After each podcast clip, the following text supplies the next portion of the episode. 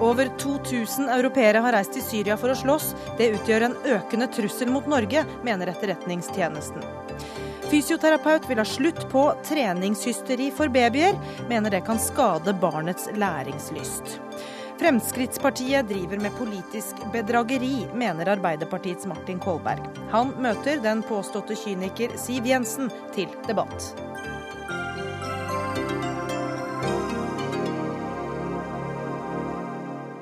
God ettermiddag og vel møtt til Dagsnytt 18, hvor vi også spør om OL ble en fiasko eller en suksess, sett med norske øyne. Jeg heter Gry Blekastad Almås. Terrortrusselen mot Norge og norske interesser i utlandet vil øke i 2014, viser en rapport fra Etterretningstjenesten som ble lagt fram i dag. Og Etterretningssjef Kjell Granhagen, hva er bekymringene? Det er mange bekymringer som knytter seg til internasjonal terrorisme, men eh, det vi har hovedfokus på akkurat nå, er eh, den situasjonen som har oppstått i Syria spesielt, eh, hvor en rekke mennesker fra Europa har dratt dit for å delta i jihad. De knytter seg til Al Qaida-relaterte grupperinger der. Og eh, vi vet at eh, de også der mottar både ideologisk påvirkning eh, og de mottar trening på ferdigheter som også kan brukes i forbindelse med terror. Og Samtidig vet vi at mange er der lenge, og de utsettes for traumatiske opplevelser. Og summen av alt dette mener vi at øker terrorfaren mot Europa og Norge i tiden fremover. Ja, og hvilke, Hva slags trussel er det de utgjør mot Norge og Norge? Norske interesser i utlandet? Ja, Det vi er redd for, er at uh, summen av alt det jeg nevnte, uh, betyr at vi kan få tilbake mennesker som enten kan ha fått en instruks om å gjennomføre terrorhandlinger i Europa f.eks., mm. eller uh, de kan ha vært under en slik påvirkning at de selv Eh, velger å gjennomføre slike typer handlinger eh, på et eller annet tidspunkt. Og Vi snakker ikke her bare om en umiddelbar eh, trussel, vi snakker om et fenomen som kan vare over ganske lang tid. Hva slags kontroll har dere over situasjonen? Vi følger med så godt som vi kan. Jeg tror det sier seg selv at det er en veldig krevende oppgave å gjøre utenfor Norges grenser, men vi har altså vår oppgave utenfor landets grenser. Og så er det jo Politiets sikkerhetstjeneste som har dette ansvaret innenfor eh, Norges grenser. Vi nevnte innledningsvis at det var 2000 europeere. Eh, det er flere titalls nordmenn man eh, vet om? Ja, Vi eh, estimerer dette til mellom 40 og 50 eh, nordmenn som har eh, dratt til Syria. En del av dem er eh, vendt tilbake i mellomtiden. Vi venter at flere vil returnere etter hvert, og vi venter også at flere kommer til å reise ut til Syria. Men Hvis man da er klar over dem, hva vil skje når de eh, returnerer til Norge, eh, for å da få en slags kontroll over hva de gjør her? Ja, Det er ikke Etterretningstjenestens oppgave, det er Politiets sikkerhetstjeneste. Men dere samarbeider? Samarbeider vel rundt dette her? Vi samarbeider om dette, og uh, først og fremst er det viktig at vi utveksler informasjon mellom oss og uh, Politiets sikkerhetstjeneste, slik at uh, de holder oss orientert om de menneskene de har i søkelyset, og at vi kan rapportere tilbake på det vi ser at disse menneskene bedriver utenfor Norges grenser. Forsvarsminister Ine Marie Eriksen Søreide, hva tenker du når du hører om dette trusselbildet? Det er jo dessverre et trusselbilde vi kjenner til, eh, og som vi jo har blitt mer og mer oppmerksom på de siste særlig to åra. Eh, det er mange med norsk statsborgerskap som reiser ut og kommer tilbake sterkt radikalisert og med mulighet og intensjon til å drive terror på norsk jord, eller drive terror mot andre norske eller vestlige interesser fra det landet de er i. Eh, og dette er jo mennesker som eh, på ulike måter har vært igjennom en radikaliseringsprosess før de kom til, i dette tilfellet da, Syria, og den radikaliseringsprosessen tiltar mens de er der. Og dette er jo ikke et unikt norsk fenomen. Eh, som du sjøl var inne på i innledninga, så er det mange statsborgere fra vestlige land det er snakk om. Eh, men vi har nok blitt eh, over de siste par åra mer oppmerksom på at det også er både navngitte og identifiserte nordmenn som deltar i internasjonal terrorisme på den måten. Men det blir en økende eh, trussel fra disse menneskene utover dette året, eh, hører vi fra Etterretningstjenesten her. Og hvordan vil man møte den økte trusselen? Ja, nå er det viktig å understreke at det Fokus 2014 er, ikke er en trusselvurdering. Altså, dette er en uh, rapportering fra E-tjenesten om områder de har spesiell oppmerksomhet om. Uh, trusselvurderingene er både mer komplekse og for så vidt uh, også graderte. Men det er jo en bekreftelse på et fenomen vi har vært kjent med over noe tid, og som antageligvis også kommer til å tilta ytterligere i styrke. Og så er det jo viktig, som også sjefen for Etterretningstjenesten sier, at fra Forsvarsdepartementet og Etterretningstjenesten etterretningstjenestens side så kan ikke vi håndtere disse individene når de er tilbake i Norge.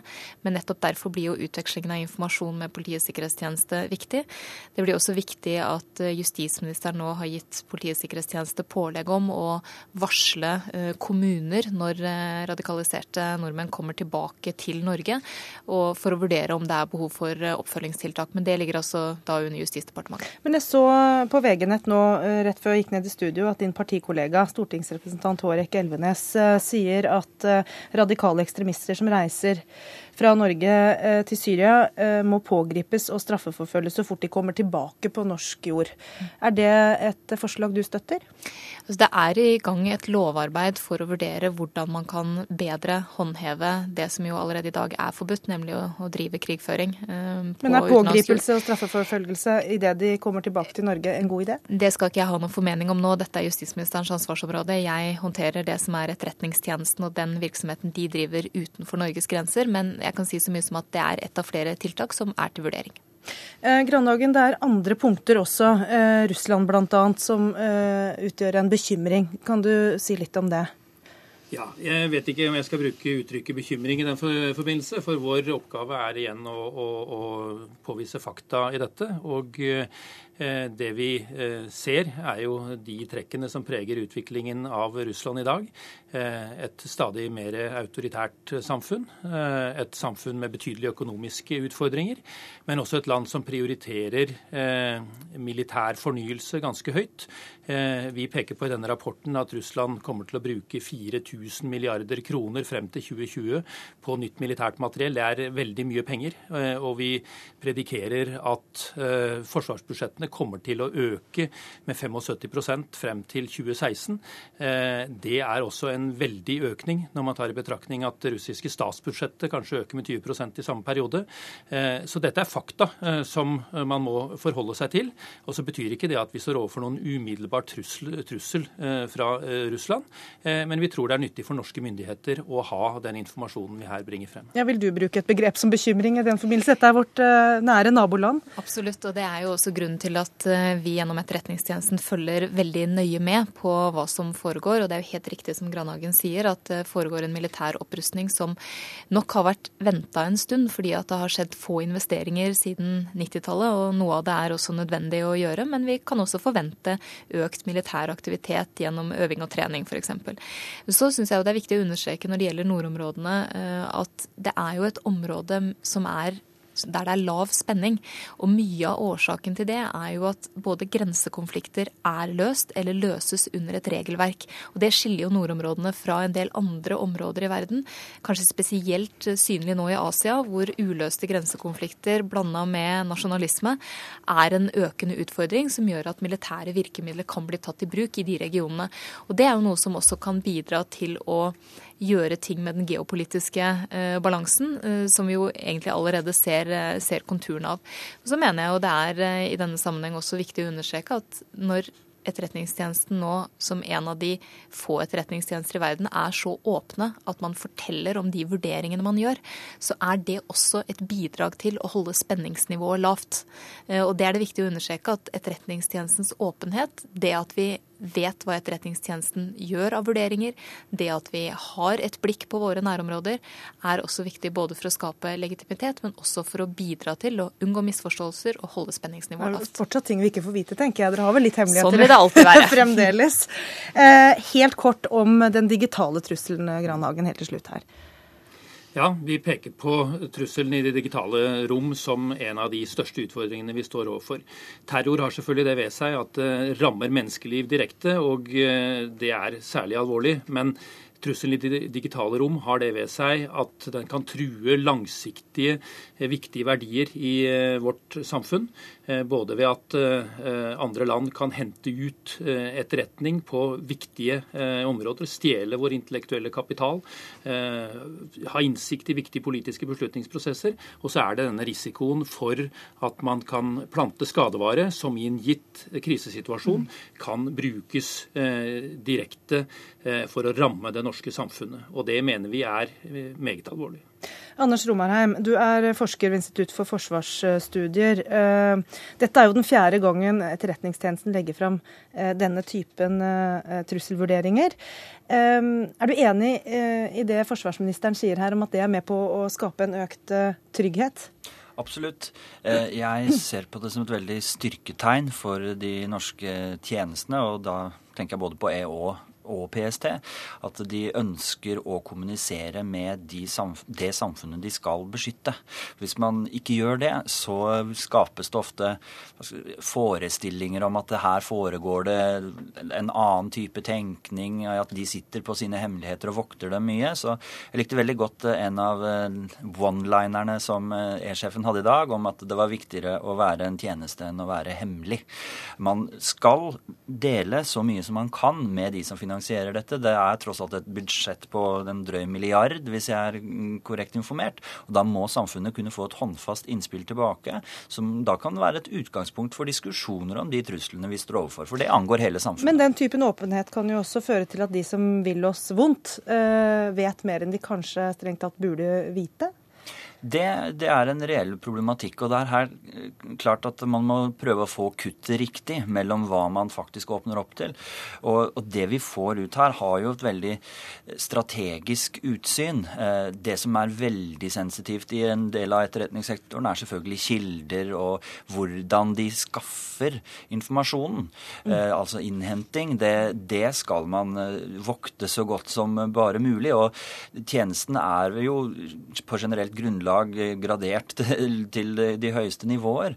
Og, og, det må det meste av aktiviteten være. Men det, er, det, skader ikke å gi et innspill til debatten, for det, det, er tross alt politikere som stemmes fram av folket, som er med på å finansiere mm. alle statlige ansatte i Norge. Deler du den trusselvurderingen eh, som vi har fått høre om her i dag? Jeg skal ikke gå inn og gi min egen variant. Jeg var veldig spent på hvordan syriafarerne ville bli eh, behandla. Og det er veldig interessant at det løftes frem i dag, fordi det understreker så tydelig hvordan noe kan starte her hjemme, reise ut til E-tjenestens primærområder, og så komme tilbake til PSTs innenfor rikets grenser-domene og utgjøre en trussel der. Og da er det helt maktpåliggende at det er godt samarbeid. For det, dette er en reell trussel. Og så er det veldig sensitivt å behandle det. For de fleste som reiser til Syria, kommer tilbake og utgjør ikke en trussel. Og da må man eh, finne ut hvordan man skal eh, tilnærme seg denne gruppen. Og der tror jeg ikke det finnes noe godt fasitsvar, verken i politikken eller i forskningen. Vi finner det i hvert fall ikke her i Dagsnytt 18 i kveld. Tusen takk, Anders Romarheim. Takk også til Kjell Grandhagen og Ine Eriksen Søreide. Senere i Dagsnytt 18 ser vi på oljesektorens betydning for skotsk selvstendighet. Men eh, først til Ukraina. Dagsnytt 18 alle hverdager klokka 18.00 på NRK P2 og NRK2.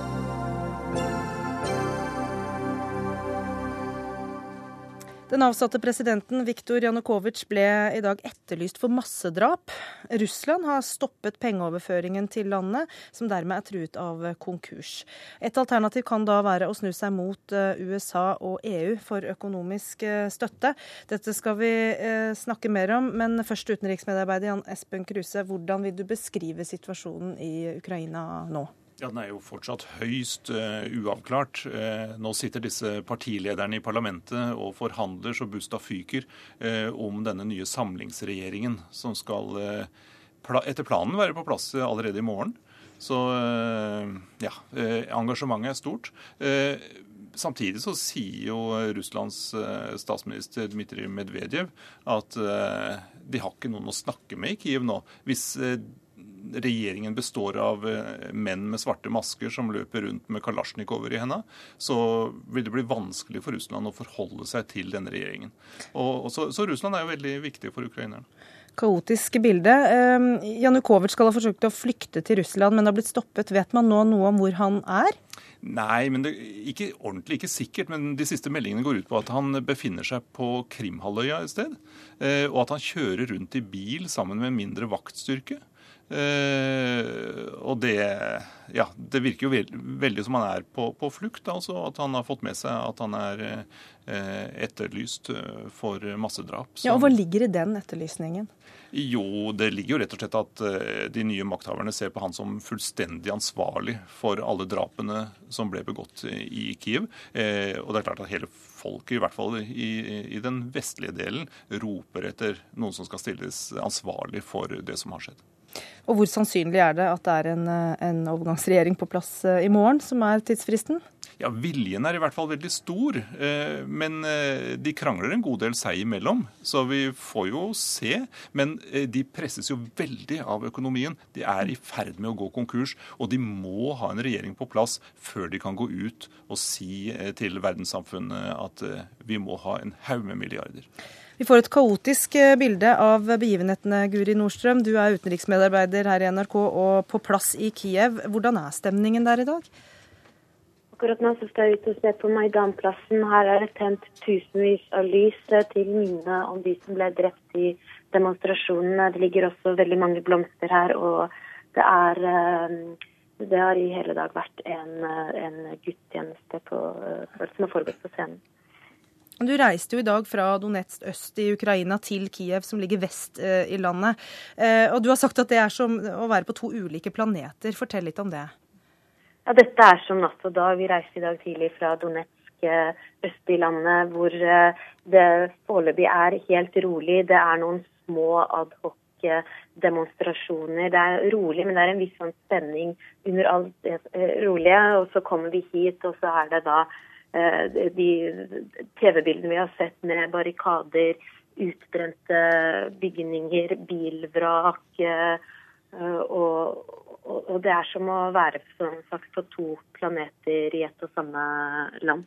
Er også landet splittet i forhold til om man skal eh, søke støtte mot øst, altså Russland, eller mot vest, EU, USA? Ja, det er det så absolutt. Folk her i Kiev ønsker jo å snu seg mot eh, Europa. Det var jo nettopp de som ble så sinte da denne samarbeidsavtalen ikke ble inngått likevel i slutten av eh, november. Og så har man eh, innbyggerne i øst, hvor de, største, de fleste innbyggerne ønsker enten å, å, få mer selvstendighet selv, eller å også da snu seg mot Russland hvis de må snu seg mot noen i det hele tatt. Eh, takk skal du ha, eh, Guri Nordstrøm. Jeg vet du må løpe videre til andre oppgaver. Her i studio har vi på plass eh, en russlandsekspert og en europaekspert for å se litt på, på bildet fra ulikt eh, ståsted. Begynner med deg, Julie Wilhelmsen, seniorforsker ved Norsk utenrikspolitisk eh, institutt, og da Russland-ekspert. Eh, Foruten, som jeg nevnte, at Russland stopper pengeoverføringer, så har de også kalt hjem ambassadøren sin. Hvilke andre reaksjoner kan man vente fra Kreml nå? Eh, det er jo et helt klart signal eh, i forhold til Ukraina, eh, som bare uttrykker at på en måte så var Janukovitsj deres mann, og han er nå ute. Og da trekker man tilbake det man har villet satse i Ukraina, eh, og på ham og hans eh, linje. Samtidig så tror jeg at Russland nå kommer til å være litt forsiktig. For som Guri Nordstrøm sa, så er det en veldig veldig prekær situasjon. Eh, det er i ingens interesse at Ukraina faller sammen, og at den splittelsen eh, som er der allerede, blir, blir til en, en, en borgerkrig. Eh, så jeg tror at Russland kommer til å håper at Russland kommer til å opptre forsiktig. Og selv om denne anti-EU, anti-vestlige retorikken har vært veldig veldig sterkt, og man hele tiden spiller som om hvis Ukraina samarbeider med EU, så kan de ikke samarbeide med oss. Så håper jeg på en måte at, at eh, det veldig kritiske i situasjonen gjør at man klarer å legge vekk eh, de, de, brillene litt og se på eh, hvordan man må få til et, et, et samarbeid for at det ikke skal gå fra vondt til verre i, i Ukraina. Ja, Guri Rosén, stipendiat ved Arena, sendt på europaforskning. I dag er jo EUs høykommissær for utenrikssaker, Catherine Ashton, mm. på plass i, i, Kiev også. Hva kan hun, og Vesten, da, få utretta der? Tror i hovedsak akkurat nå så er det sånn så, som Julie Wilhelmsen er inne på, den prekære situasjonen. De trenger penger. Og det har hun jo også sagt at det er derfor hun er der. Hun skal, de skal diskutere den økonomiske situasjonen, og de skal diskutere hva EU kan bidra med. Og EU har penger, gitt at, gitt at de vet hvem de skal gi pengene til. Og, og, og så har de andre, andre forutsetninger som skal, skal, falle på plass knyttet til demokrati og rett, rettslige prinsipper osv. Ja, for det er vel noe med det nå at man vet ikke helt hvem eller hva man gir penger til eventuelt? Ikke sant. Og det, det blir jo veldig usikkert. Det blir usikkert for det, Og det har, det er det kommet flere signaler på i løpet av dagen også, at det er mange som er usikre på det. Ikke bare EU, men også, også USA og enkelte, enkelte, enkelte, nasjonalstater. Men så er det jo også den gamle den gamle, den er jo ikke så gammel akkurat, men det er jo denne samarbeidsavtalen fra november, da, og det har jo kommet signaler på at den, den er EU fortsatt åpen på. Eh, at kan være aktuell for Ukraina. Og videreføre med det nye Og videreføre regimet. med det nye regimet, ja. Absolutt. Mm. Hva er det som står på spill egentlig for uh, storebroren i, i øst, Russland, uh, når det gjelder Ukraina? Det er veldig, veldig mye. Det første man kan tenke på, er jo denne visjonen om å skape en eurasiatisk union, som, som Russland har. Altså et EU-lignende prosjekt med Russland i sentrum. Um, og hvor Ukraina helt utvilsomt uh, ville være en av de viktigste statene uh, i, det prosjektet. Og nå når Janukovitsj har forsvunnet og hovedkravet er at Ukraina vender seg mot Europa, så, så skaper det problemer for denne, denne visjonen. Eh, det andre veldig viktige er at eh, Putin-regimet over ti år har fryktet nettopp en situasjon hvor et regime står overfor en opposisjon som er støttet fra Vesten, slik de ser det. Nærmest en opposisjon som er instigert fra Vesten, og at regimet faller. Og så har de sett hele den arabiske våren og har sett et lignende mønster i at regimer som de omtaler som legitime, faller for en, eh, en opposisjon som bærer parolen eh, demokrati. og marerittet er jo at dette skal rykke nærmere og, at det skal kunne ramme Putin-regimet selv. Altså Putin frykter å bli en ny Janukovitsj på en måte? Selvfølgelig. Eh, sånn at nå at det skjer i Ukraina, som er det landet som er nærmest Russland og mest sammenlignbart eh, med Russland, det er, det er skremmende eh, for, for Putin-regimet. og Derfor har vi jo også sett i løpet av de siste dagene under OL i Sotsji, hvor ingen har lagt merke til det, at man faktisk tar forhåndsregler og f.eks. For har eh, sannsynligvis tar kontroll over en uavhengig TV-stasjon eh, i, i, Russland, Dorst, og eh, den mest kritiske radiostasjonen, Echo Moskvi, eh, nettopp for å ta vekk redskapet man er redd for vil kunne brukes i en mobilisering av opposisjonen eh, i Russland. Så det er også både det ytre prosjektet og selve Russlands, eh, det russiske regimets egen posisjon som står på spill her. Men hvis vi tar det europeiske mhm. perspektivet, hva står på spill for EU? Eh, hvorfor er EU interessert i Ukraina, på en måte? Altså det som, jeg tenker at det, for, for, EUs del så kan man på en måte ikke forstå EUs utenrikspolitikk. Den, den utenrikspolitikken som EU, EU, driver som organisasjon, på samme premisser som man forstår Russlands EU, utenrikspolitikk. De tenker ikke på altså, Sånn som jeg forstår det, så ser ikke de på Ukraina som en sånn slags geopolitisk premie. For dem så er det altså det, det, er klart at helt siden utvidelsen så har Ukraina vært viktig for EU som en del av De er, de er den nye naboen. De ønsker et godt naboskap, og selvfølgelig ønsker de også stabilitet. Mm. Og så har Innenfor EU så er det også en intern dimensjon. Du har noen medlemsstater som, som er mer opptatt av Ukraina. Eh, de, Polen f.eks. og andre de gamle østeuropeiske statene.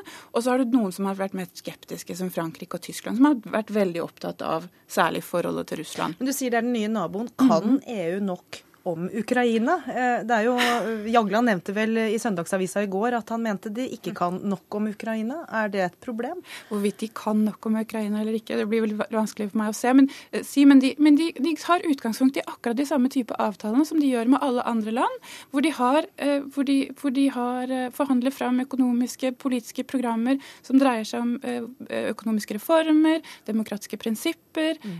rettsstatlige prinsipper og menneskerettigheter. og det er det de tar utgangspunkt i. Denne dragkampen mellom øst og vest om Ukraina, er, vi, er, det, er det, for langt å trekke det liksom, Er vi på vei inn i en ny kald krig? Eh, kan, kan det på en måte skape eh, dragninger som ikke er, er gode der? Det har det jo gjort for lenge siden. Det er jo på en måte så, så, min idé når vi begynte å snakke her, var jo nettopp at man håper egentlig at alvor, det alvorlige i denne situasjonen gjør at man kan legge fra seg noen av disse bildene på kald krig som har blitt så sterke i løpet av de siste årene. Men du håper det? Tror du at det kan føre til en bedre situasjon snarere enn en økt splittelse? Eh, jeg, jeg, tror at eh, Som sagt, jeg tror at, at, Russland kommer til å sitte litt på gjerdet nå. Jeg, jeg, håper det. Eh, og jeg tror at, at, det russiske regimet skjønner at samme hvem som nå For det kommer et, et, nytt regime på plass i Ukraina som Russland er nødt til å samarbeide med. Så jeg tror at de kommer til å tenke litt pragmatisk i forhold til det. Mm. Da må vi si takk til Julie Wilhelmsen, og takk også til Guri Rosén. Skal ta med at Ukraina er tema for Urix i kveld også. Der kommer eh, Børge Brende, utenriksministeren. Ehm, og Urix starter fra og med i dag klokka 22.30 så nytt tidspunkt eh, der, men kanalen NRK2 er den samme.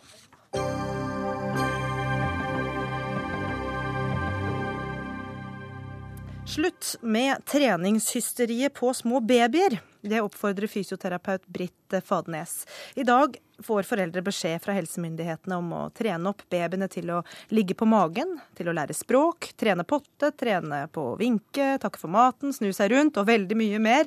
Men eh, hvorfor er det hysteri, eh, Britt Fadnes, å lære barna sine disse tingene? Ja, mest av alt så tenker jeg at eh, mitt mitt mest anliggende er jo det som gjelder kroppsutviklingen, altså bevegelsesutviklingen. Og det jeg tenker er at vi må få ordet 'trene' bort fra hodet når det gjelder de små barna. De er født med de store mulighetene til læring, til en god kroppsutvikling, til å oppøve sin balanse og sin oppmerksomhetsevne. Og jeg tenker at dess mer de får trygge omgivelser, passelig med stimuli, så får dette lov å foregå i et tempo og på en måte som er helt naturlig for den enkelte. Dette ligger iboende i dem. Eh, og I Dagsavisen i dag så oppfordrer du eh, foreldre, pedagoger, politikere og byråkrater om å eh, slappe av litt mer og slutte med det du kaller overstyring. Eh, hvorfor det? Jeg tenker I ytterste konsekvens så kan et, eh, kan si et evig belæringsmas, eh, trening, eh, pes, faktisk ødelegge for et barns læringslyst. Mm. Og er det noe mer trist enn å ødelegge et barns læringslyst, som jo er født med en utrolig vitebegjærlighet. Og bruke kroppen til å erfare på alt det det skal lære. Men hvordan eh, dreper du læringslysten ved at man følger det rådet man nå får ved at man skal legge babyene på magen for at de skal trene opp eh, nakkemusklene sine, f.eks.? Nei, Det jeg har sett, og det jeg kan si, det er jo at det, jeg har vært virkelig en talskvinne for som fysioterapeut på føden i Molde gjennom ti år, fra fra 1980 til 1990. Og, og predikere 'legg barnet på magen', slik at det får trent rygg og nakkemuskulatur. Men nå har du snudd? Nå har jeg skikkelig snudd, og det har tatt meg mange år. Og det jeg har, jeg har gått i skole. Jeg har uh, lært gjennom nå mange år sammen med hjerneforsker Per Brodal og min gode kollega Kirsti Leira. Og vi har sett på samspillet mellom kropp og sinn, og sett på hva det er som bor i barnet. Og ikke minst sett på balanseutviklingen og, og det med læring.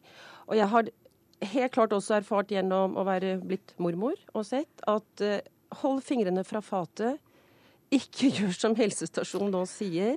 Eh, Vær helt Ta is i magen og la barnet få lov å bestemme når det sjøl vil rulle over fra rygg til mage, og begynner den videre prosessen derifra. Hører du det, Marit Heiberg. Du er leder eh, av Den norske jordmorforeningen. Eh, slutt med det der, hva tenker du om det? Alt på en måte, tenker jeg. Det er jo først og fremst ett råd som vi jordmødre gir eh, nybakte foreldre når de reiser hjem fra sykehuset, og det er at barnet skal ligge på ryggen når det sover. Og det endra vi i 1990, rett og slett. Årsaken til det var jo at man så at Norge lå skyhøyt når det gjaldt krybbedød i Norge, sammenlignet med sammenlignbare land. Så endret vi på det, og så gikk jo antall krybbedød drastisk ned. Eh, så det har hatt en helseeffekt.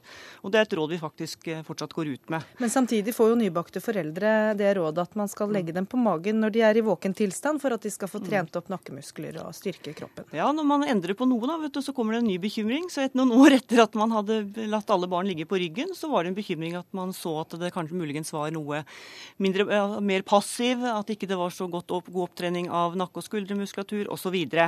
Og så endrer man da på den anbefalingen. Og jeg tenker vel at eh, det riktigste er vel et sted midt imellom. Eh, man skal ikke trene nyfødte barn. Overhodet ikke. Man skal ta det med ro. Eh, men å være kanskje litt bevisst at ikke de bare ligger på ryggen, kan jo være positivt, tenker jeg. Ja, er det, er det, noe galt med å, å, å, å, trene barnet litt, hvis så lenge det er innenfor det barnet syns er greit selv? Fadnes? Uh, Altså, Jeg syns det ikke er noen grunn til bekymring. Barnet har en masse oppgaver å gjøre når de ligger på ryggen. Det skal de bare de finne balansen i ryggliggende og frigjøre hendene og kunne samle de, for så å fritt kunne åpne de igjen, er en enorm øving som skal til. Og det kommer tidsnok over på magen. Det kommer gjerne rundt ca. et halvt år. Da vil det begynne å øve på å snu seg. Og den seier, seieren det er å kunne klare det for egen hjelp, er Ja, jeg har bare blitt helt overbevist om at uh, seiersmilden på min lille, min lille datterdatter er helt klart fortellende hva det er som er best for henne. Og når det gjelder rygg og nakke, bare det å holde et barn opp vil med en gang så arbeider det for å klare å stabilisere hodet sitt selv. Ja, det, det øver mye mer enn vi aner. Er det litt sånn overdrevne råd vi, vi får, Heiberg? Eh, vi har lett for å overdrive litt når man skal gå inn og gi nye råd. Og jeg tenker at det er mange naturlige situasjoner i hverdagen eh, hvor barnet kan eh, trene opp nakkemuskulaturen på.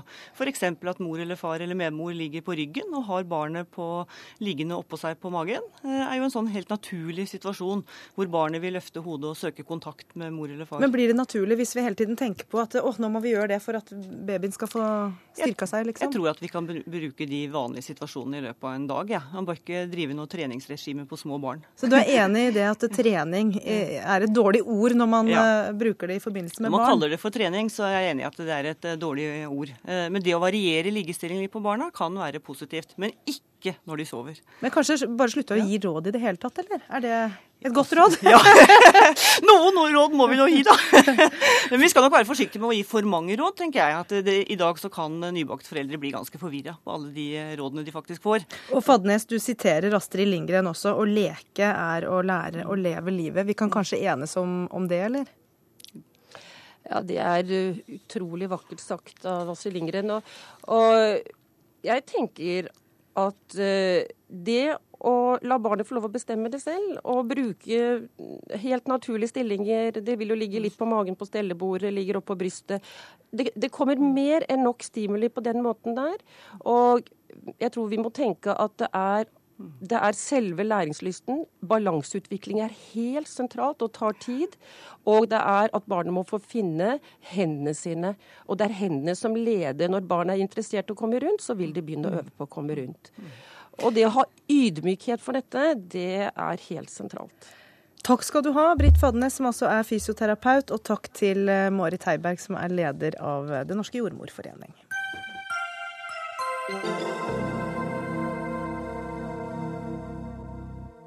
Martin Kolberg beskylder Siv Jensen og Fremskrittspartiet for å bedrive politisk bedrageri litt senere i Dagsnytt 18. Vi skal også høre at det er ulike meninger om hvorvidt OL var en norsk suksess eller ikke. Men før det Skottland. I dag har den britiske og den skotske regjeringen skjerpet kampen om den britiske oljen. Begge parter har holdt regjeringsmøter i den skotske oljebyen Aberdeen, for mesteparten av de britiske olje- og gassressursene ligger utenfor Skottland. Den skotske førsteministeren, som kjemper for et uavhengig Skottland, vil eh, styre oljeressursene selv, og det vil han etter norsk modell. Det er den britiske regjeringen uenig i, korrespondent eh, Espen Aas. Ja, de sier at det er nærmest en utopi at et uavhengig Skottland kan bygge opp et norsk eh, oljefond, fordi at de vil trenge mesteparten av pengene til å betale for helse, for pensjoner og alle andre regninger som vil komme i det øyeblikket de skal stå på egne ben.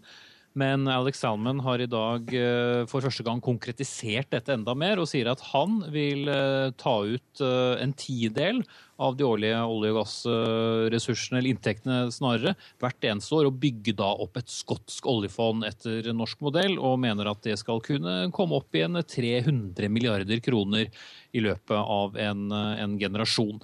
Mens Cameron og Westminster sier at uh, her har uh, nasjonalistene glemt at det er mindre og mindre olje og gass å finne, og inntektene de har falt med flerfoldige millioner og milliarder på, på relativt uh, få år. og Derfor så trenger oljeindustrien et sterkt Storbritannia i ryggen for å få hentet opp den oljen som nasjonen trenger.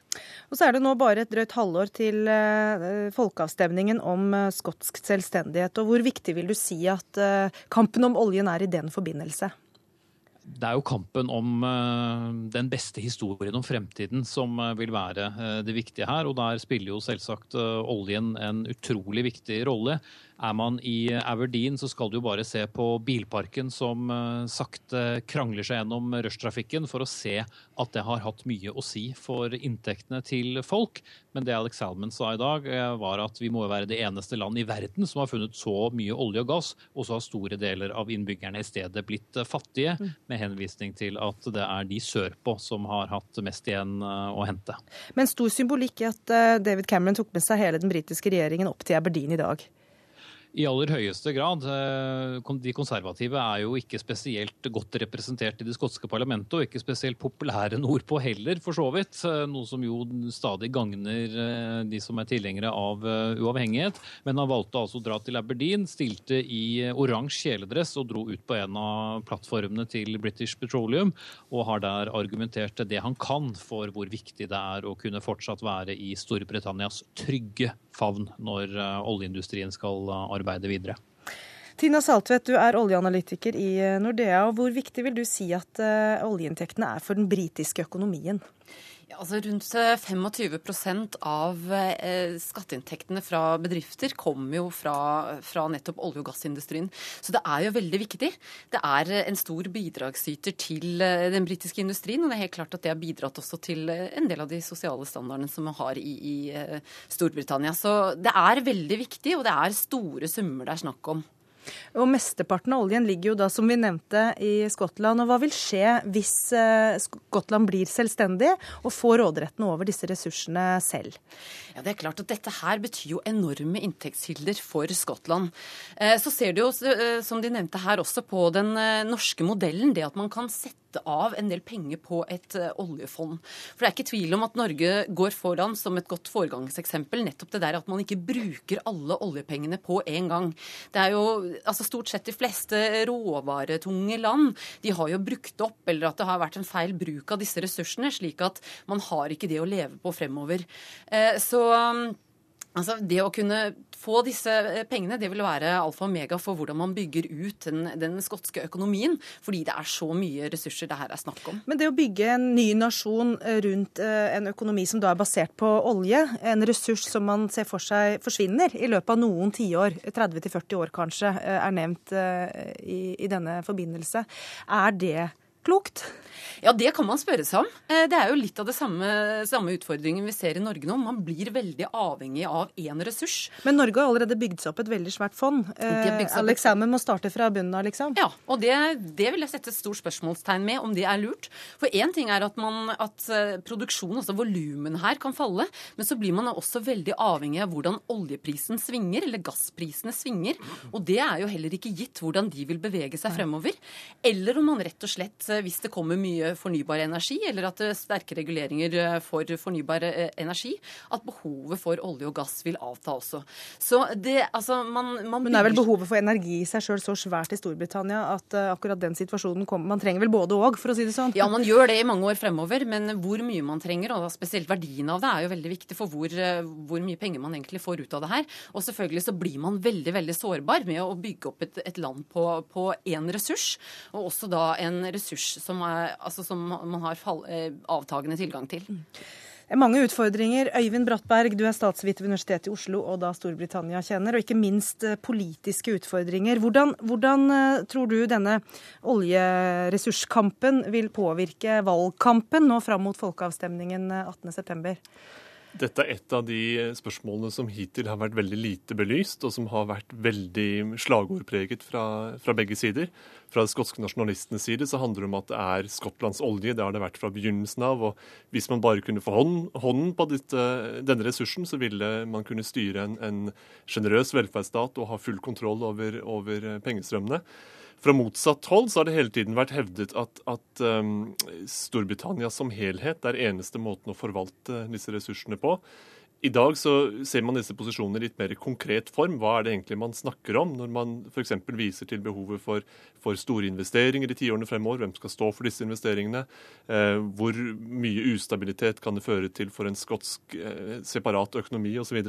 Man er i ferd med å konkretisere ting. og økonomiske spørsmål er veldig viktig i denne diskusjonen. Og det kommer til å være veldig viktig på veien mot 18.9. Ja, valutaspørsmålet er jo et annet økonomisk eh, tema som ikke er helt enkelt eh, i forhold til en eventuell eh, selvstendighet, da. Så absolutt. Og det er jo, dette her er jo aller siste etappe i en løpende diskusjon. Den forrige etappen var diskusjonen om, om skottene kan beholde det britiske pundet, og i så fall på hvilke premisser osv. Eh, nå er det jo sagt fra London at det vil de få vanskeligheter med å gjøre. Og alternativet, å bygge en, en separat skotsk valuta, er også et veldig um, usikkert, for ikke å si utopisk prosjekt. Mm. Så sånn sett fra utsiden så er det forbløffende mye som henger i luften eh, et halvt års tid for en folkeavstemning som skal avgjøre en nasjons skjebne. Ja, hvordan ser stillingen ut, eh, Espen Aas, eh, dette halvåret i forkant? Hvordan, hvordan er stemningen for eller imot uavhengighet? Fortsatt er det et eh, skal vi si, solid flertall mot eh, en løsrivelse. Men eh, avstanden mellom blokkene den blir sakte, men sikkert mindre. Og faktisk, etter hvert som politikerne i London har engasjert seg mer og mer, de tre partiene i parlamentet har stått sammen imot løsrivelse, så har det gitt enda mer fart i Alex Salman og nasjonalistenes leir. Fordi skottene kan nok like mye av det som skjer i, i London, men de vil ikke detaljstyres på den måten, og skal i hvert fall ikke bli fortalt rett ut hva de skal eh, stemme. Men meningsmålere som har fulgt med på dette, sier jo det skal veldig mye til å, å kunne snu uh, løsrivelsestilhengerne så mye at de vil vinne avstemningen om litt under sju måneder. Men ingen tør ta for gitt at ting fortsetter som de er. Brattberg, hvilke avklaringer må eventuelt til man, før man kan få et flertall over på, på Salmons eh, linje her? Man må kunne vise at eh, det skotske nasjonale prosjektet er bærekraftig, ikke bare i følelsesmessig forstand, men i realøkonomisk og i realpolitisk forstand. Og der har Alex Salmond og, og, hans parti og hans regjering en, en, ganske bratt motbakke igjen på disse månedene som gjenstår. Og de møter eh, da krefter fra, fra motsatt hold, ikke bare i London, men også i Brussel når det gjelder framtidige relasjoner med EU osv. Så, videre. så her er det mye grunnarbeid som må gjøres. Forbløffende mye grunnarbeid. Så vi tror ikke noe på skotsk selvstendighet, er det konklusjonen? Vi lar oss begeistre som, som nordsjønaboer, men eh, foreløpig måteholden begeistring, tror jeg jeg sier. Takk Øyvind Brattberg, takk til Tina Saltvedt, og takk til deg, Espen Aas i London. Hør Dagsnytt 18 når du vil. Radio NRK Radio.nrk.no.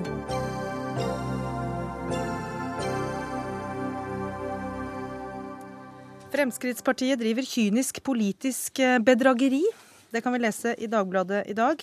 Etter at partiet kom i regjering, har Siv Jensen kastet over bord alt det Frp har stått for i 40 år. Det er bare en branntomt igjen. Jeg, siterer bare deg eh, her nå, Martin Kolberg. Du er parlamentarisk eh, nestleder i Arbeiderpartiets stortingsgruppe. Og hvorfor så harde ord mot Fremskrittspartiet? Var parlamentarisk nestleder, får vi si. Unnskyld. Eh, fordi det er politisk riktig og nødvendig å si det. Og eh, det henger sammen med at vi har jo erfaring nå med Fremskrittspartiet gjennom eh, 40 år. Og eh, nå er eh, Fremskrittspartiet i regjering, og det er selvfølgelig særlig nødvendig å ta veldig alvorlig det som nå eh, de sier og gjør. Men hva er bedrageriet? Det som-? Det som, er, det som er kjernen i dette, er følgende, og jeg skal bare ta ett eksempel. Det er at eh, Siv Jensen i sin landsmøtetale sa at eh, det norske systemet, den norske modellen, sa hun, er, eh, tjener ikke det norske folk. Det står i veien for det norske folk, sa hun helt tydelig. Så går hun på Stortingets talerstol og har blitt finansminister i Norge, og alt er borte. Hun eh, finansierer alle de institusjonene hun mente hun skulle bygge ned. Hun støtter trepartssamarbeidet veldig varmt. Hun holder seg til handlingsregelen, som sto så sent som behandlingen av nasjonalbudsjettet før sommeren, siste stortingsdag, var imot. Og da ryker det bare av branntomta. Og når hun da ikke gjør noen innrømmelser om at de har lagt om politikken, bare henviser til at de ikke har flertall og gir skylda på andre, så er det det som er det kyniske dobbeltspillet, og det er det som er eh, kjernen av, av bedrageri. Og det er et siste jeg skal si, det er at jeg vil ikke si at Fremskrittspartiet er et direkte høyrepopulistisk parti, fordi at det ville være usaklig å gå litt for langt. Men de har trekk av det, og de er den norske utgaven, og sånn driver de partiene i hele Europa. Sier én ting, gjør en annen ting, skaper inntrykk av at det er mulig å gjennomføre en politikk som de, og nå kommer jeg til poenget, de vet ikke er mulig å gjennomføre. Jeg holdt på å si selv om de hadde flertall. Og da er det nødvendig å si ifra, og det har jeg gjort. Og det er bra at Siv Jensen er her, så hun kan argumentere mot. Ja, og da lar vi den kyniske bedrager få ordet. Eh, regner med at du ikke er enig? Jeg gleder meg jo til den dagen Arbeiderpartiet kommer ut av den eh, surmulingen og sutringen som de har stått i nå siden de tapte valget. Først så hørte vi det gjennom en lang valgkamp som handlet kun om skremselspropaganda. Så avslørte Helga Pedersen i går at nå skulle de holde på med en konstant svertekampanje mot den nye regjeringen. Og så følger Martin Kolberg opp i dag med noen ganske elleville karakteristikker. Jeg og Fremskrittspartiet sitter nå i vår første regjering sammen med Høyre. Vi kan måles hver dag vi på det vi gjør. Og hva er det vi har gjort? Vi har altså redusert skattetrykket med over 7 milliarder, og vi har fjernet arveavgiften. Vi har begynt arbeidet med å lovfeste retten til eldreomsorg. Vi har begynt arbeidet med en, eh, et prøveprosjekt for statlig finansiering av eldreomsorgen. Vi bygger veiene raskere og hurtigere enn noen gang tidligere. Vi har etablert her, et infrastrukturfond. Kolberg her prøver vel å måle dere på det dere ikke har gjort, da? Eh, Men for det, er- tror jeg vel kanskje han skal gjøre etter at vi har sittet en stund. Vi har altså sittet i regjering i drøye fire måneder. Og jeg tenker at det budsjettet vi legger frem eh, til høsten, vil være et mye bedre verktøy å måle oss på. Eh, Så er det jo sånn at eh, jeg, jeg, jeg syns egentlig dette her er litt fornøyelig. fordi helt siden eh, regjeringsskiftet så har vi ikke hørt ett eneste initiativ fra Arbeiderpartiet som handler om hvordan vi skal løse utfordringene i helsevesenet og eldreomsorgen, eller hvordan vi skal få fart på utsendelsen av ulovlige innvandrere i Norge. Men denne regjeringen gjør altså noe med det. Vi øker utsendelsen av ulovlige innvandrere med rekordtempo. Vi sørger for å bygge flere fengselsplasser. Vi sørger for å sikre nye polititjenestemenn jobb. Vi har med andre ord levert på alle de områdene Fremskrittspartiet gikk til valg på at vi skulle gjøre noe med. Og Det er jeg egentlig ganske godt fornøyd med, og det er det vi skal måles på. De kan vel ikke få gjort alt på fire måneder heller, Kolberg? Nei, absolutt ikke. Og det, jeg har ikke tatt opp det temaet i det hele tatt. Ja. Nei, men Du har tatt Det- opp alt de ikke har, ikke har gjort? Jeg, nei, jeg har tatt opp at de forlater sin egen analyse. Og jeg har tatt opp at de spiller dobbelt. Og jeg kan gå til dagsaktuelle eksempler. I dag har vi opplevd at stortingsrepresentant Tybring-Gjedde har uttalt seg visstnok på vegne av Fremskrittspartiet om forhandlingene som foregår med støttepartiene i Stortinget om, eh, om asylpolitikken. Legg merke til det, og det er dette som er mitt poeng. Han blir ikke rettet av noen. Han blir ikke rettet av parlamentarisk ledelse. Han blir ikke rettet av Siv Jensen. De lar det henge. Mener du at det er en strategi? Det mener jeg er en strategi, og det er det som er det kyniske. Og du legger merke til at det er ingen andre partier i Norge som oppfører seg på denne måten. Fremskrittspartiet har gjort det i mange Martin. år. Carl I. Hagen, Siv Jensen, var ekspert på dette. La ut agn, sa han var misforstått, trakk seg litt tilbake, lot tingene henge. Jeg trodde nemlig at når dere kom i regjering, at dere tok ansvar for å være et helhetlig parti. Det gjør dere ikke. Dagens eksempel, jeg kunne nevnet Per Sandberg og folkeavstemningen. Siv Jensen greide ikke engang å kommentere han. For Det, det er eksempel på hvordan Martin. det foregår hele tiden. Martin, nå må du snakke-. Nå må du være interessert i svaret. Jeg er veldig interessert i svaret nå. Når det gjaldt eh, spørsmålet om folkeavstemninger, så kommenterte jeg det. Og jeg sa som sant var at det er i så fall et spørsmål som Stortinget må ta stilling til. Og det er en debatt som går i mange land. Det jeg også sa, var at det er i utgangspunktet ikke det regjeringen nå prioriterer. Nå prioriterer vi å gjennomføre den avtalen vi har fremforhandlet sammen med Kristelig Folkeparti og Venstre, som man nå sluttforhandler i Stortinget, som handler nettopp om hvordan vi både skal stramme inn asyl- og innvandringspolitikken på den ene siden, og rydde opp i restansene, som handler om hvordan vi skal sørge for at alle de som har fått opphold i Norge, skal bli bosatt Jensen, i Norge. er Men jeg må få lov å Er det en fullføre strategi resonnementet. at dere lar enkelte partimedlemmer få lov til å være litt løsmunnet? Ja, men man, må ikke, man må jo ikke bli veldig overrasket over at Fremskrittspartiets stortingsrepresentanter passer på at den avtalen vi har fremforhandlet med Kristelig Folkeparti og Venstre blir virkelighet. Dette betyr mye for Fremskrittspartiet. Det var en av grunnene til at eh, vi sa ja til å gå i regjering, nemlig at vi skulle få til en reell innstramming av asyl- og Jo, men man innvandringspolitikken på taler med to tunger, er det eh, Ma- Nei. Martin Kolberg her prøver å peke Nei, på? At det, det- kan skapes et inntrykk ut til folket om at eh, Fremskrittspartiet taler med to tunger, hvor de ansvarlige i regjering mener og sier noe helt annet, eller ingenting eventuelt, til det andre mer enkeltmedlemmer går ut og, og profilerer i media. Altså det jeg har hørt eh, våre stortingsrepresentanter si i dag, er at de passer på at den avtalen blir forhandlet frem til punkt og prikke slik vi er enige om. Og det er i grunnen det aller viktigste. Og så kommer eh, Kolberg med påstand om at, at jeg nå forlater min egen analyse. Nei. Jeg står fast ved hele min landsmøtetale fra, fra sist. Jeg. Hva var det jeg var opptatt av da? Jeg var opptatt av at vi skulle bruke skattebetalernes penger på en bedre måte, i stedet for å, å kaste om oss med andre menneskers penger. Jeg var opptatt av at vi skulle få avbyråkratisert, forenklet, fornyet og forbedret Norge. Jeg tror det er ganske mange skattebetalere som er opptatt av hvordan vi bruker de, deres penger på vegne av dem. Og jeg tror de ser at vi har klart å bygge opp et enormt byråkrati. Mange hindre, mange utfordringer, mange problemer som vi nå holder på å rydde opp i. Jeg er veldig stolt jeg, av en regjering som har tatt Norge i en annen retning. Vi får ikke gjort alt på en gang, men jammen meg var det på tide å rydde litt opp. Og det datt mye rart ut av skapene, for å si det forsiktig, etter åtte år med en rød-grønn regjering. Eh, Der la vi merke til at det kom en løs påstand på slutten. Datt mye ut av skapene, og det var behov for å rydde opp. Uten å identifisere hva det handler om. Det er også en teknikk. Men la, la meg, la meg, to, la meg eh, altså, I motsetning til hva kanskje lytterne og seerne tr eh, tror, så har Siv Jensen og en, jeg på det personlige plan en veldig god relasjon.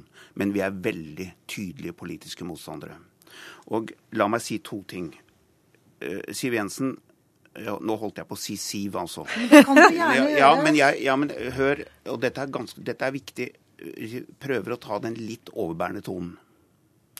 Eh, eh, ikke på det personlige plan, men på det politiske. Og det er også en del av teknikken. Og Fremskrittspartiet tar enten så sier de ja, det er denne Kolberg, vet du. Han er jo han er så sur, han. Jeg smiler aldri, og jeg er så sur. Det er feil, skjønner du. Jeg er egentlig ganske blid og ganske fornøyd her jeg sitter.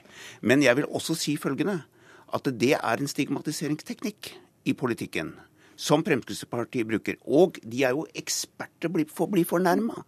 De så, er så misforstått hele tida. Men ingen må tro at de egentlig mener det. Det er også en del Har ikke dere i. Arbeiderpartiet også strategier og teknikker? Jo, men den går på det politiske innholdet. Dette her går på strategier over tid som skaper inntrykk av at de kan gjøre ting som de ikke klarer. Eh, Og nå skal jeg bare si til slutt da følgende. Betyr det du nå sa, Siv Jensen, at du tar avstand fra, og aller helst hadde sett, at Per Sandberg ikke sa at han ville ha folkeavstemning? Eller eh, hvordan er det å forstå det du sier egentlig? Eh, Du skal Ja, få min svar- svar på taletid. det konkrete. Du skal få min taletid nå. Burde han ikke sagt det, eller var det greit at han sa det? Jeg har vel nettopp akkurat forsvart at det ble sagt, for jeg mener det er riktig at man utvider debatthorisonten også knyttet til videre temaer for asyl- og innvandringspolitikken. Så du er glad han sa det? Ja, og når det er sagt, jeg skal avsløre en hemmelighet for deg, Martin Goldberg. Jeg er ikke spesielt opptatt av følelseslivet ditt. Du kan være både sur og blid så mye du vil. Det jeg er opptatt av, er å diskutere de uløste oppgavene i Norge. Og det er altså sånn at denne regjeringen jobber hver dag for å få bort de lange helsekøene vi har arvet fra dere. Vi jobber hver dag for å sørge for at eldre mennesker får bedre rettigheter uansett hvilken kommune de bor i. Vi sørger for at alle som er nyutdannede fra Politihøgskolen skal gå til en jobb og ikke ut i arbeidsledighet. Vi sørger for at vi bygger veier. Vi har bygget et infrastrukturfond. Vi holder på med et nytt veiselskap. Vi sanerer gamle bomstasjoner. Vi leverer altså mer i løpet av fire måneder i regjering enn dere klarte i løpet av åtte år. Det er jeg stolt av. Og da skjønner jeg at du kanskje begynner å bli litt bekymret. Fordi hvis vi fortsetter i dette tempoet, så kan det hende bli lenge til Arbeiderpartiet kommer tilbake i regjering. Alt dette går an å diskutere, altså politikkens eh, innhold og virkning. Men jeg er ikke kommet hit for å gjøre det. Og denne intervjuet som har foranlediget denne opptredenen her i Dagsnytt 18, handler ikke om det i det hele tatt. Og Derfor så går ikke jeg inn på alt det hun sier nå. Men det er også typisk at de snakker om noe annet enn det det gjelder. Mm. Hun svarer ikke konkret på disse, pro disse problemstillingene. Skulle gjerne vite hva slags strategi dere har, eller hvordan Ja, Den dere er veldig enkel. Vår strategi er å gjennomføre det vi gikk til valg på. Vår strategi er å gjennomføre det som står i regjeringsplattformen som vi har fremforhandlet sammen med Høyre, og avtalen vi har med Kristelig Folkeparti og Venstre. Jeg kommer til, og det Hvordan kan jeg ser du, Martin Kolberg, jeg for, kommer at til å den, bruke for deg at den hver i- et øyeblikk, for, for deg at den strategien ser ut? Hvordan, I praksis, hvordan er det de går fram? Nei, altså, De går fram på den måten at de, de vet jo om at det er jo selvfølgelig nå skal jeg ta Det sånn, det er selvfølgelig legitimt at et politisk parti har forskjellige typer uh, meninger om forskjellige saker. Det skjønner jeg. Men det er ikke noe hvem som helst personer som går ut og angriper det som er regjeringsplattformen, eller sier noe annet enn det Siv Jensen sier. Hadde Solveig Horne, som er eh, familieminister, eh, hatt litt bein i nesa, så hadde hun sagt fra til Carl I. Hagen om hva, da hun foreslo at man skulle ha kontroll med innvandrerbarn. Men det lot de henge også, fordi de ser seg tjent med det. Og der er jeg det nødt til å avbryte, er Martin. Kolberg. Selv om det er bursdagen din og alt, gratulerer med 65-årsdagen. Gratulerer med dagen. Så får dere fortsette i Aktuelt i kveld. Takk for at dere kom.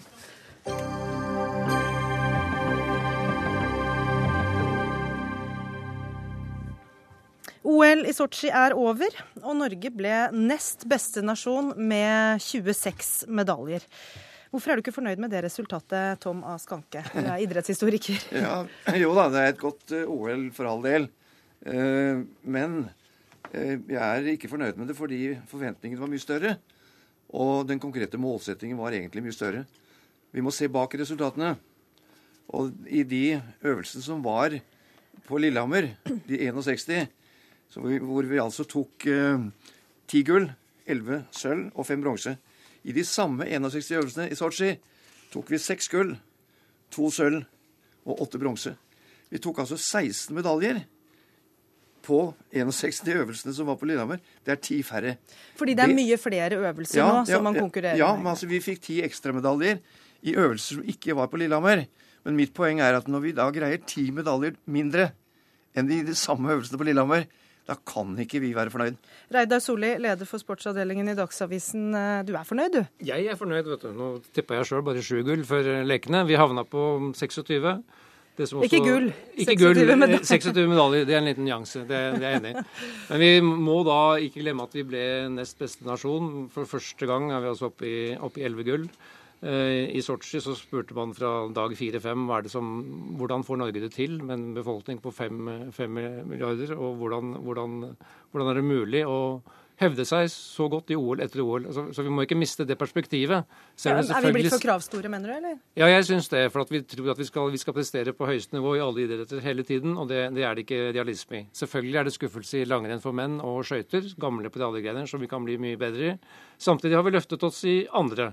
Og Lillehammer-OL er det feil å sammenligne med, for var, da var Norge på hjemmebane. Da skjer det alltid noe ekstra. Samme som russerne opplevde nå på hjemmebane i, for første gang hvor de gikk til topps. Nå er det ikke jeg som har brukt Lillehammer. Det er eh, toppidrettssjef Tore Øvrebø som la listen på Lillehammer og sa vi skal være like gode som da, den beste OL vi har hatt.